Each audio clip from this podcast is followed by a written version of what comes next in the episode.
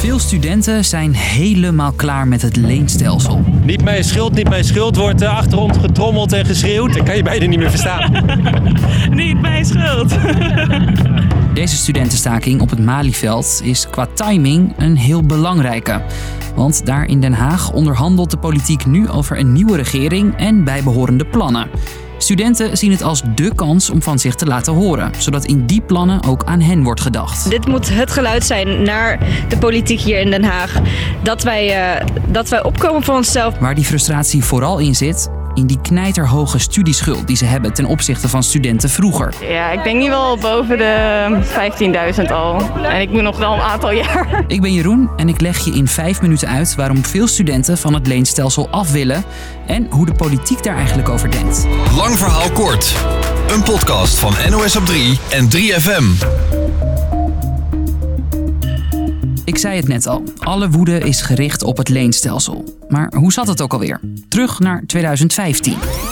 Het is definitief. Vanaf 1 september krijgen studenten te maken met het leenstelsel. Daarvoor verdwijnt de basisbeurs voor nieuwe studenten. Er kan wel gunstig worden geleend en de aanvullende beurs die blijft. Tot september 2015 kregen studenten elke maand geld. Daarmee konden ze een deel van hun studie betalen. Of nou ja, alleen studie.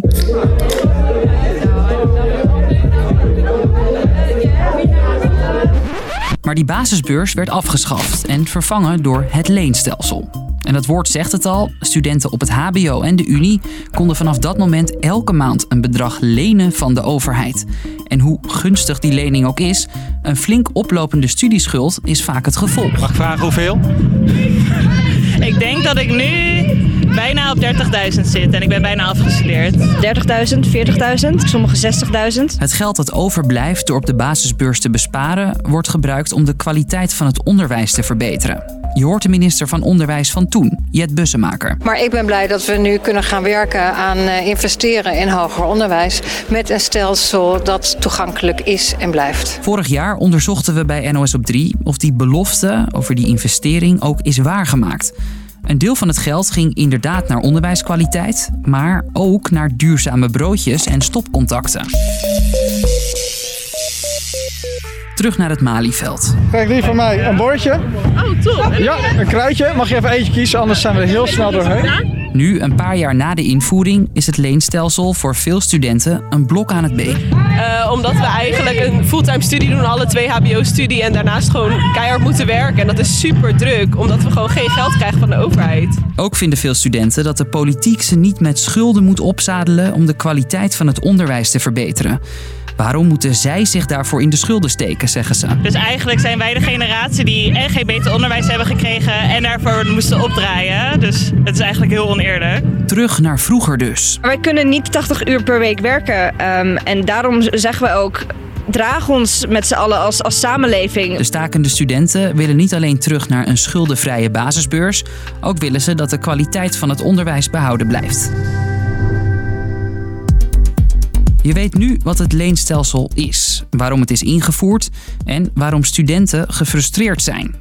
Maar toch is er hoop voor hen. Eigenlijk alle partijen willen het leenstelsel terugdraaien op één na, de VVD van Mark Rutte. Ja, ik ben daar zelf niet zo voorstander om terug te gaan. Hij vindt het oneerlijk om studeren weer gratis te maken voor HBO- en WO-studenten, terwijl MBO-studenten eraan meebetalen, maar er niet van profiteren. Want wat je nu doet, is dat niet langer iemand die op een, op een opleiding afstudeert die niet universitair is, maar een MBO-opleiding, feitelijk mede voor jouw opleiding meefinanciert. Dus daarom vind ik het een, een fair systeem. De VVD staat daar dus alleen in. Andere partijen willen terug naar de basisbeurs, of in ieder geval een variant daarop.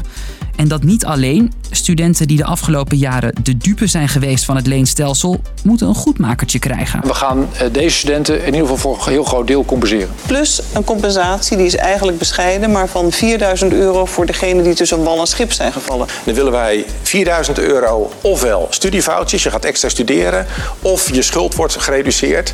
Het is niet alles.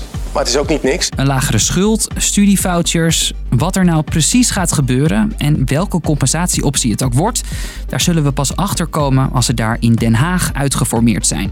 En er dus een regeringsakkoord op tafel ligt. Vandaar dus dat studenten op dit moment met man en macht de aandacht proberen te trekken daar op het Malieveld. Ik hoop gewoon heel erg dat ze in het torentje denken van... oké, kom op, laten we alsjeblieft die lening eraf gooien. Daar hoop ik gewoon heel erg op. Dus, lang verhaal kort. Studenten staakten massaal in Den Haag om tegen de politiek te zeggen: laat ons weer schuldenvrij studeren. Op dit moment lenen jongeren geld om te studeren en houdt de overheid geld over om in de kwaliteit van het onderwijs te steken. Maar veel studenten willen terug naar de basisbeurs. Alle partijen willen dat ook, of in ieder geval een variant op de basisbeurs, behalve de VVD. Alleen of dat echt gaat gebeuren, daarover wordt nog druk onderhandeld aan de formatietafel. Mogen wij jou morgen weer even lenen? We willen dat je rond 5 uur weer even naar een nieuwe aflevering van ons luistert. Alvast bedankt hè. Doei!